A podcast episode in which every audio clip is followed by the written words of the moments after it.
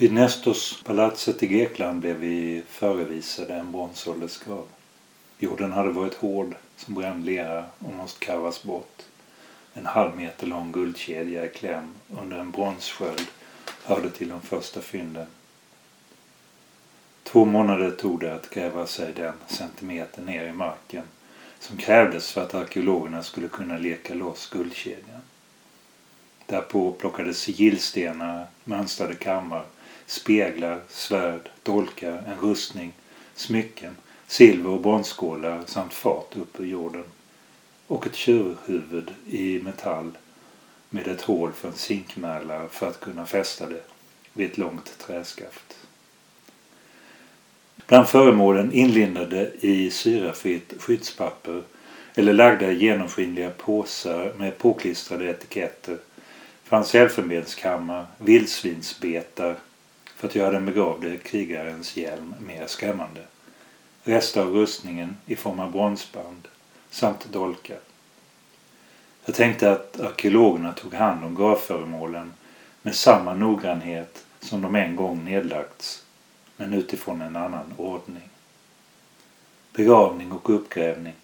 Två olika men tätt förbundna ordningar som har hemligheter för men också smeglar varandra oavsett tidsavstånd.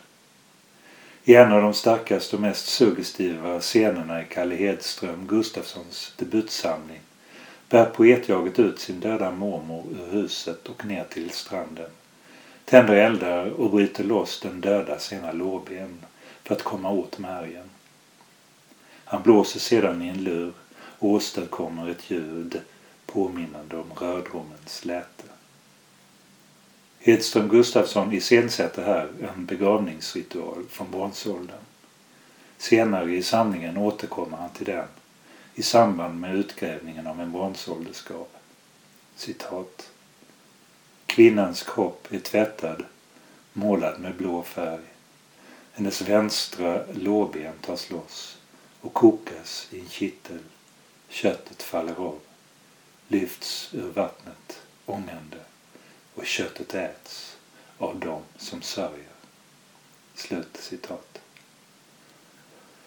Ordet ordning är ett nyckelord, inte bara för titeln utan för hela diktsamlingen. Tematiskt försöker Hedström Gustafsson skriva fram en sorg över en förlorad mormor. Men ytterst handlar det, tänker jag mig, om en strävan att avhända sig kronologin och upptäcka ett maskhål till en svunnen, förlorad ordning som mormodern i sin kraftsdagar representerade. På så sätt kan man se samlingen som en civilisationskritik. Vi befinner oss geografiskt i Nyköpings skärgård med utsikt mot Oxelösunds hamn. Ute på öarna vittnar gamla gistvallar, platser för upphängning av nät, om ett hårt och slitsamt fiske. Poetjaget kan till det lägga den senkomna insikten om att mormors ständiga sårskorpor på armarna berodde på plockandet av blåmusslor. I hamnen syns fortfarande en hand sluta sig kring lyftkranens spakar. Mekaniseringen tar dock över allt mer. Vill man låta ankaret gå är det bara att trycka på knappen. Mormodern är sprungen ur hällristningarna. Rödmålade vittnesbörd tryggt vilande under strandkrypan på hällarna. Hon vet vad som händer i markerna. Hedström Gustafsson fångar henne som något slags urgestalt i följande rader. Citat. Hon gick med ett anteckningsblock mellan enarna noterade skarvpopulationernas minskning, urholkade saltkroppar, spårade osedda fågeldödar. Hon rörde vid klipporna av granit, kände kraftledningarna över Brandgatan. De elektriska fälten sprakade i regnet. Råkorna lyfte i dimman. Slut citat. Diktsamlingens olika skikt av prosa, metaforisk poesi och språkmaterialistisk undersökning visar att det är många olika ordningar som prövas i strävan att förstå närheten till mormodern och hur den bröts. I ett skede ser poetjaget sig självt och sin mormor, mig, dig, som en enhet, ett i jaget inkarnerat du. Mormoderns tilltagande förfall skrivs ut som känslan av att vakna i natten och finna sig ligga bredvid en stel kropp som inte andas. I en annan nyckelscen säger mormodern förvirrat att affären där hon brukar köpa batterier till sin hörapparat har flyttat. Poetjaget vet att hon har fel, men hjälper henne inte. Varför? Det är knappast av elakhet. Kanske överväldigas barnbarnet helt enkelt av förtvivlan över att se sin mormor ta de första stegen från närmast mytisk människogestalt till att bli ett vårdpaket. Någon som aldrig mer kommer att sätta sin fot ute i skärgården. Allt mer vilset frågar hon om vad som händer i markerna.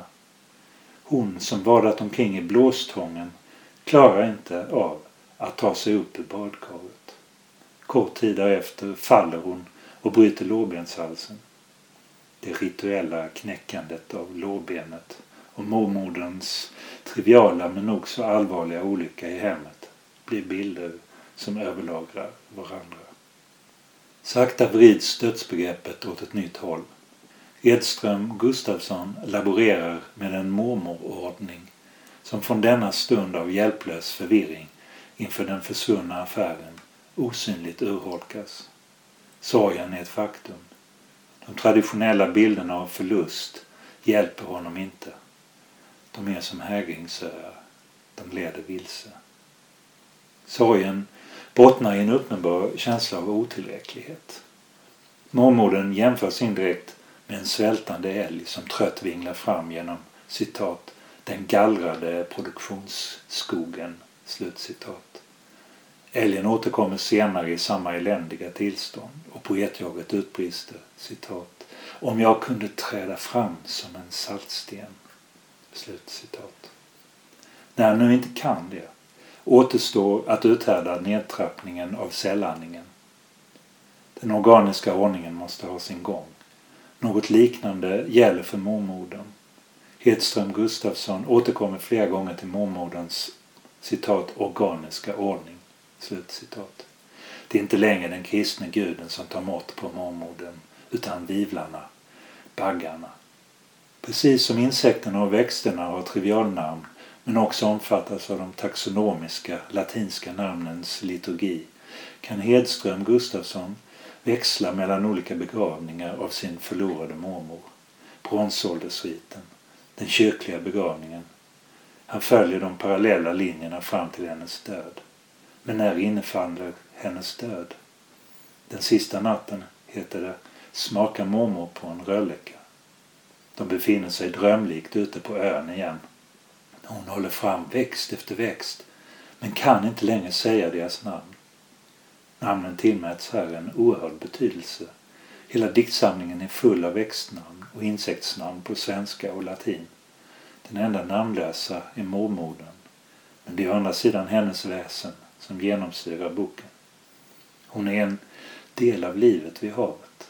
Hon är växterna på de yttersta hällena. Fåglarna. Saltet.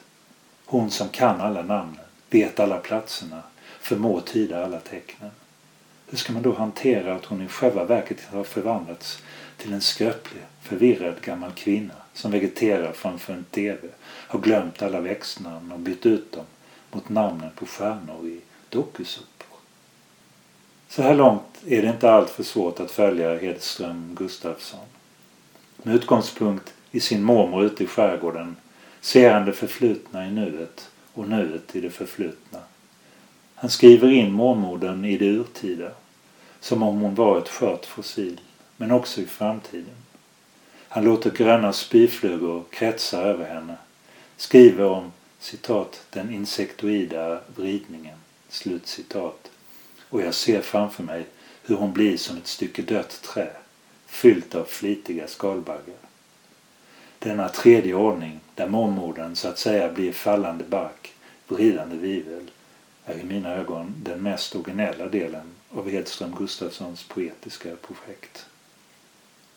Jag vill kanske inte gå så långt som att säga att jag som läsare blir barkborre eller hedspolvivel i vridande rörelse genom textmassan. Men kanske något åt det hållet ändå. Genom att sätta olika, till synes oförenliga ordningar i spel skapar Hedström Gustafsson en plats i mitt medvetande där oväntade möten mellan dem kan äga rum i enskilda bilder eller strofer.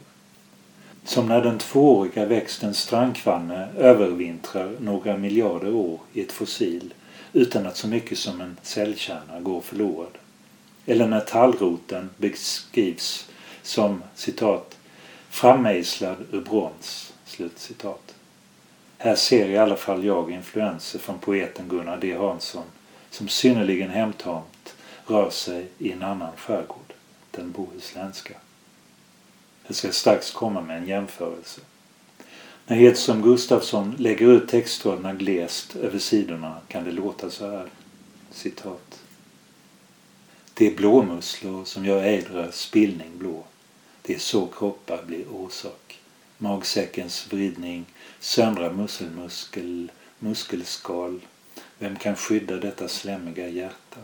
En tillvaro bärd runt sig själv. Sköra pärlemor, ett blått skal som du höll mot natten. Slut citat. Tonen här är allvarlig, närmast högstämd. Det är ambitiöst. Hela Hedström Gustafssons bok är ambitiös och står på egna ben. Låt mig ändå få citera två korta passager hämtade från Gunnar D Hanssons Lunnebok på samma tema, nämligen färgförändringar i naturen. Citat. Den 12 september 1883 upptäckte lotsarna vid Väderöarna efter en storm ett jakttacklat fartyg lastat med stenkol som låg sjunket på fyra famnars djup inte långt från Lunnefågelsön Stora Knappen. Inget blev känt om besättningens öden och inget är heller vidare känt om fartyget. Men i många år var humrarna runt Stora Knappen svartare än den man fick på andra ställen. Ingen ville tro att det berodde på stenkolen och många sa att de varit svartare där långt tidigare också. Också följande citat. Sannolikt såg Daniel Berg ingen lunnefågel på Soteskär men tyckte sig märka att bergyltan där ute var mera blågul än någon annanstans. Slut citat. Om vi fortsätter den orättvisa jämförelsen ytterligare en liten bit kan man tillägga att Gunnar D Hanssons ornitologer hittar underligare fåglar vilka i sin tur fångar underligare fiskar inte sällan försedda med de mest egendomliga tecken, möjligen hebreiska, under fjällen. Hedström Gustafsson avstår från den sortens lekar. Kanske för att han än så länge saknade D. Hanssons förtrogenhet med platsen och dessutom har ett annat temperament. Men nog kan influensen kännas ändå. En ytterligare influens skulle den danska författaren Emilie Smith kunna vara. I hennes bok Marble, för övrigt översatt av Hedström Gustafsson, finns en suggestiv bild av marmorskulpturer som hämtats upp från havsbottnen efter att ha legat där i 2000 år. De delar som stuckit upp i bottenslammet är genomstumna av koraller och havsorganismer. Det är samma nedbrytning som skalbaggarna utsätter Edström Gustafssons mormor för, men det går oändligt mycket långsammare. De delar av skulpturerna som ligger täckta av havsbottnen är däremot välbevarade, som vore de gjorda igår. Amalie Smith är liksom sin svenska översättare fascinerad av arkeologi, om hur tiden påverkar sådant som färg och form och vår varseblivning. Men hon tar sig större friheter med fiktionen. Huvudpersonen Marble är till exempel något slags golem. En Venus av Milo i marmor, uppgrävd ur jorden och blåst liv i av blivande pojkvännen Daniel och som tämligen omgående åker till Aten, går på museer och tittar på andra marmorfigurer. Kanske är det ingen slump att det ljudmässigt bara skiljer på en vokal mellan Smiths marmor och Hedström Gustafssons mormor. Det är dags för en sammanfattning. Hedström Gustafsson tar sig inga friheter. Han vill inte kasta nytt ljus över bronsåldern. Han vill inte helgonförklara eller på annat sätt föreviga sin mormor. Som person är hon egentligen helt osynlig. Jag får inte veta hur hon ser ut, hur hon är klädd eller hur hon pratar.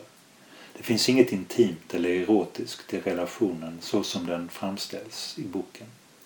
Snarare handlar det om att skildra förlusten, inte av en mormor, utan av ett sammanhang, en ordning. Så länge mormodern går vid hans sida, så länge hon med sina valkiga, erfarna fingrar pekar ut naturens och tidens tecken, så länge hon benämner saker och ting är hon en del av honom och han därmed en del av något som sträcker sig ända tillbaka till bronsåldern. Utan henne, utan ett du, förvandlas han till en främling. Jag tror att det är det främlingskapet inför platsen, historien, tiden som Hedström Gustafsson i första hand vill besvärja. Och det gör han genom att knyta an till entomologin och den judisk-kristna drömmen om en kommande Messias. Citat. Är hon en puppa? Är hon en sävlig imago? Inom parentes en insekt i fullbordat stadium, slut parentes, som ska komma. Slutcitat. Jag tror inte att mitt under senare år stigande intresse för arkeologi ensamt räcker för att förklara varför den här boken trots vissa här redovisade förbehåll ger mig så mycket. Det är något med sättet att gestalta den tidlösa kvinnan vid havet utifrån så många skilda perspektiv som berör mig. Hon framstår aldrig som hel men med många olika brottytor som var och en talar sitt särskilda språk om vem hon kan ha varit. En kvinna som lever i bronsålderns mentala rum och ruttnar i sitt innersta kvistöga i den tid vi kallar vår egen.